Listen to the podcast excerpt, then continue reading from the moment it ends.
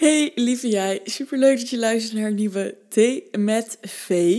En vandaag ga ik het met je hebben over systemen.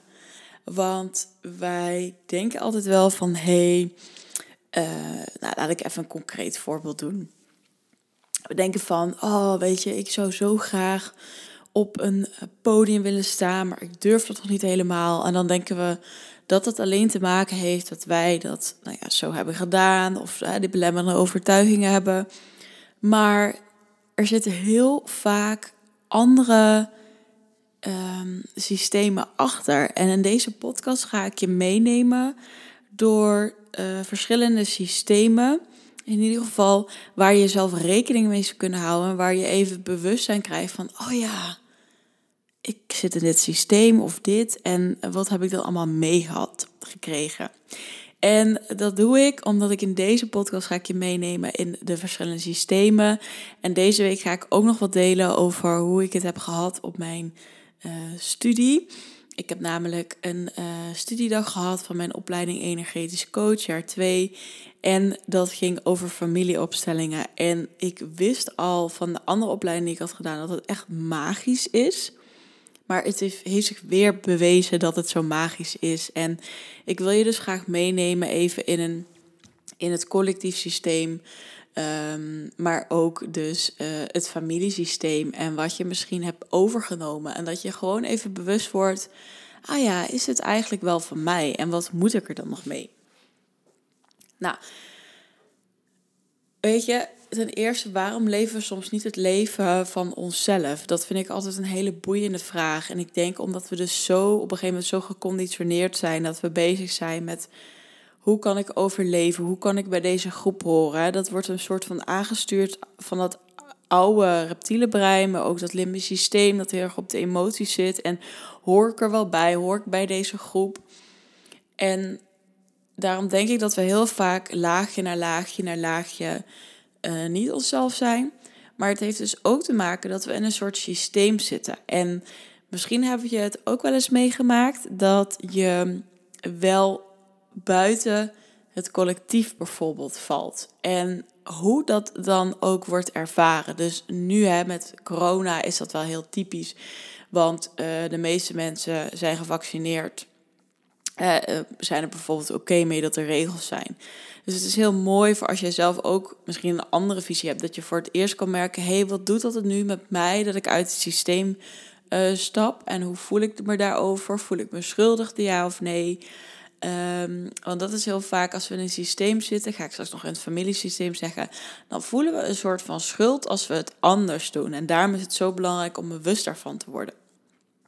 Nou, die, die systemen, dat collectief en dat familiesysteem, zit dus over ons heen. En misschien zelfs wel, het zit in ons DNA, het zit in onze genen. Vooral het familiesysteem dan, hè? want dat werkt heel veel lijnen terug. En als je iets kent van de epigenetica, weet je dat wat in je DNA zit, dat is gewoon al zo lang wat je meeneemt. Nou, om even terug te gaan naar dat collectief. Dat collectief, weet je, voor mij kan ik dat op verschillende manieren zien. Namelijk, er is een collectief in deze hele wereld. er is een energie in deze wereld. Maar omdat ik dat een beetje moeilijk vind met voorbeelden, ga ik vaak naar een land, naar een bepaald land of een maatschappij. En als we dan gaan kijken van hey, hoe is het collectief in Nederland? Of hey, hoe is het collectief in Colombia?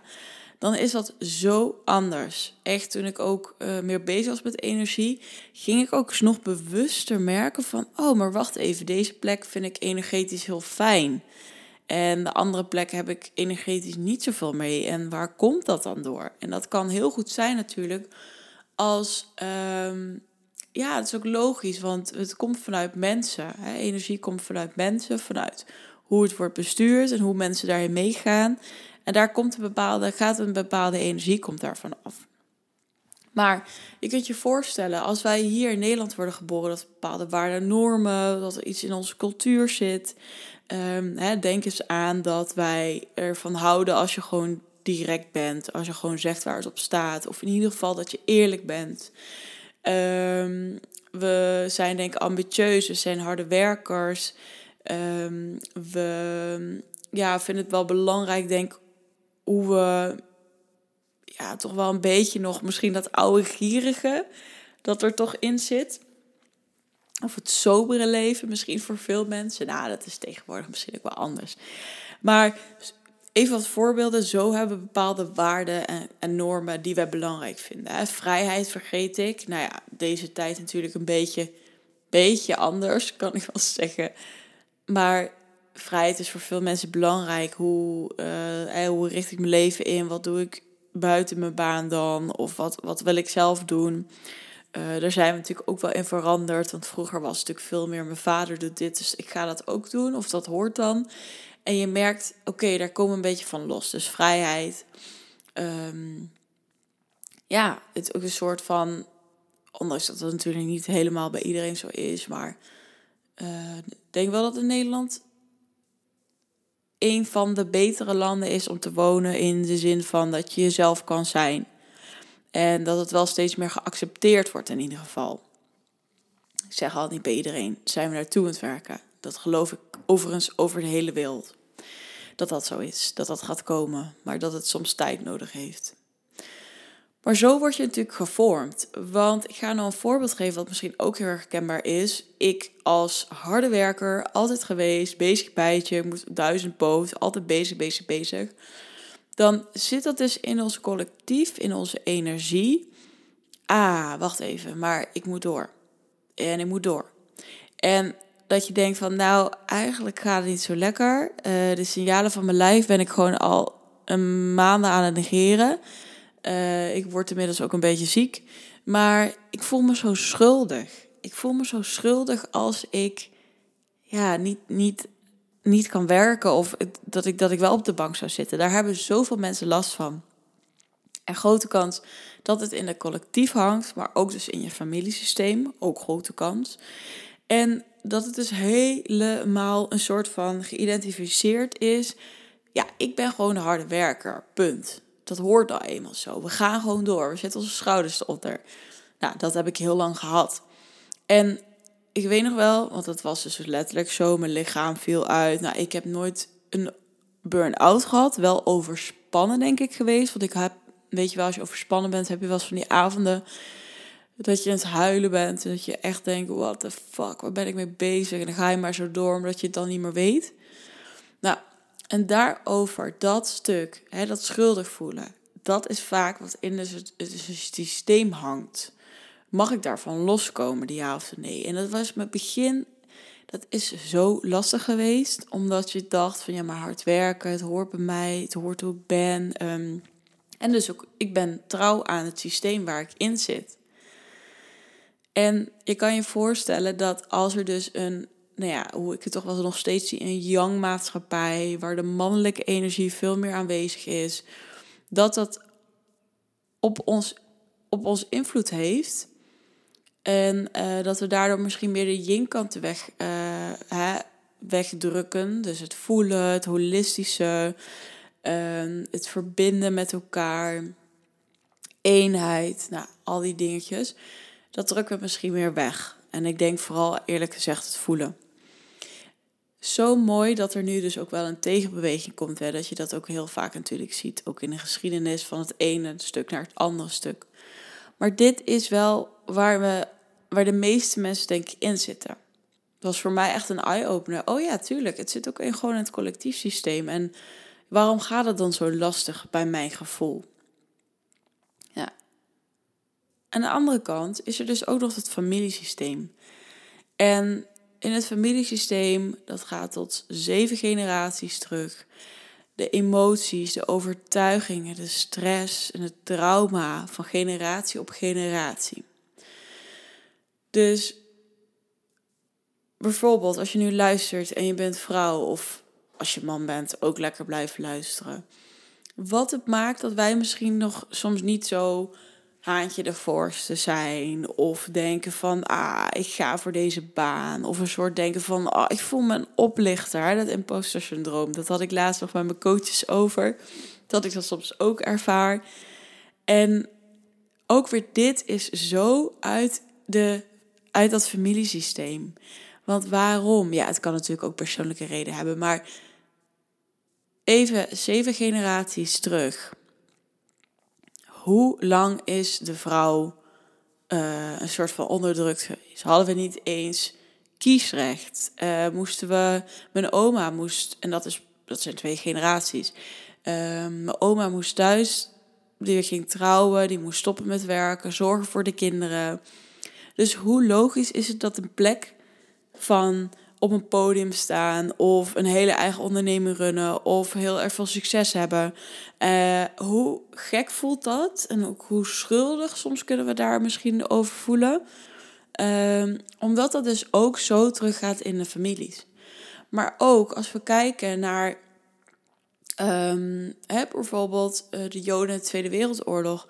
Dat is nog steeds iets, en eigenlijk moet ik zeggen, Joden Tweede Wereldoorlog, Joden zijn echt duizenden jaren natuurlijk zondebok geweest.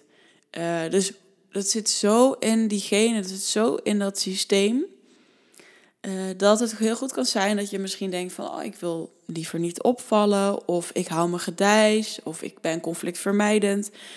En dat je dat altijd wel dacht van oh, zo ben ik. Maar wat ik hier zo graag mee wil delen in deze podcast is, het gaat zoveel dieper.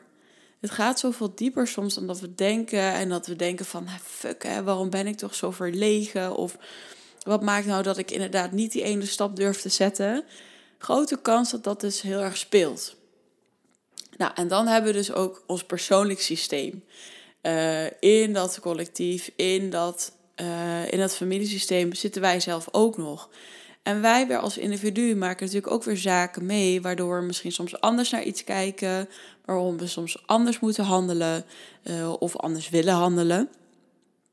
En om een voorbeeld te geven is, hè, stel dat ik wel uit een heel christelijk gezin kom, uh, echt protestants, waar is protestants misschien. En in mijn gezin is het gewoon volgens de Bijbel leven. Dat, dat zijn eenmaal de regels. En ik merk dat ik homoseksueel ben of dat ik misschien biseksueel ben, dat ik op allebei val en daar is geen ruimte voor, dan kan mijn overtuiging om een systeem zeggen: Ja, uh, ik weet niet hoor, maar dit hoort eigenlijk niet of dit, dit is not done. Maar mijn persoonlijk leven maakt dan misschien een andere keuze. En dat maakt ook soms dat het zo moeilijk is voor hè, wat je denkt van, huh, je bent 40, kom je nu uit de kast. Dat is natuurlijk heel erg veroordelend. Maar omdat dat dus al zo lang in een systeem kan zitten, dat je er nog niet aan kan, dat je schuldig voelt, dat je denkt, hè, what the fuck, waarom ik? En ik kan hier toch niet, ik kan toch niet zo leven? En dat is omdat het dus dieper kan zitten dan je misschien soms denkt. Nou, dat is heel graag wat ik vandaag wilde delen, omdat ik denk van, hé, hey, wacht even, ik ga naar, ga over familieopstellingen iets uh, zeggen. Ik, het lijkt me handig dat je ook dan weet van, hé, hey, hoe werkt dat systeem? Hoe zit ik daarin vast? Dus daar ben ik deze alvast voor je opgenomen. En van de week staat er lekker de volgende klaar, de familieopstelling. Ik ga je meenemen over wat voor magische dag het was. En wat ik denk dat voor iedereen goed zou zijn om gewoon ergens iets te gaan boeken. Want dit is echt zo magisch. Dus dat ga ik zeker met je doen. Mocht je merken, hé, hey, ik zit vast. Ik merk inderdaad, ik ben heel getrouwd met familie, maar ik durf mijn eigen pad nog niet zo uit te stippelen. Weet dan dat je via vvanmega.nl een gratis sessie kan aanvragen. Op dit moment, geen idee natuurlijk wanneer je luistert. Sommige mensen zeggen namelijk een jaar later, oh ja, ik heb je podcast nu gevonden. Dan is het misschien wel weer anders, dat weet ik niet. Um, maar je kan een gratis sessie aanvragen om te kijken, hey, dan kijk ik met je mee, voel ik met je mee. Waar blokkeer jij jezelf nou? Waar ben jij je grootste saboteur? En misschien denk je dat je het nu weet. Vaak is het net wat anders dan dat je denkt weten.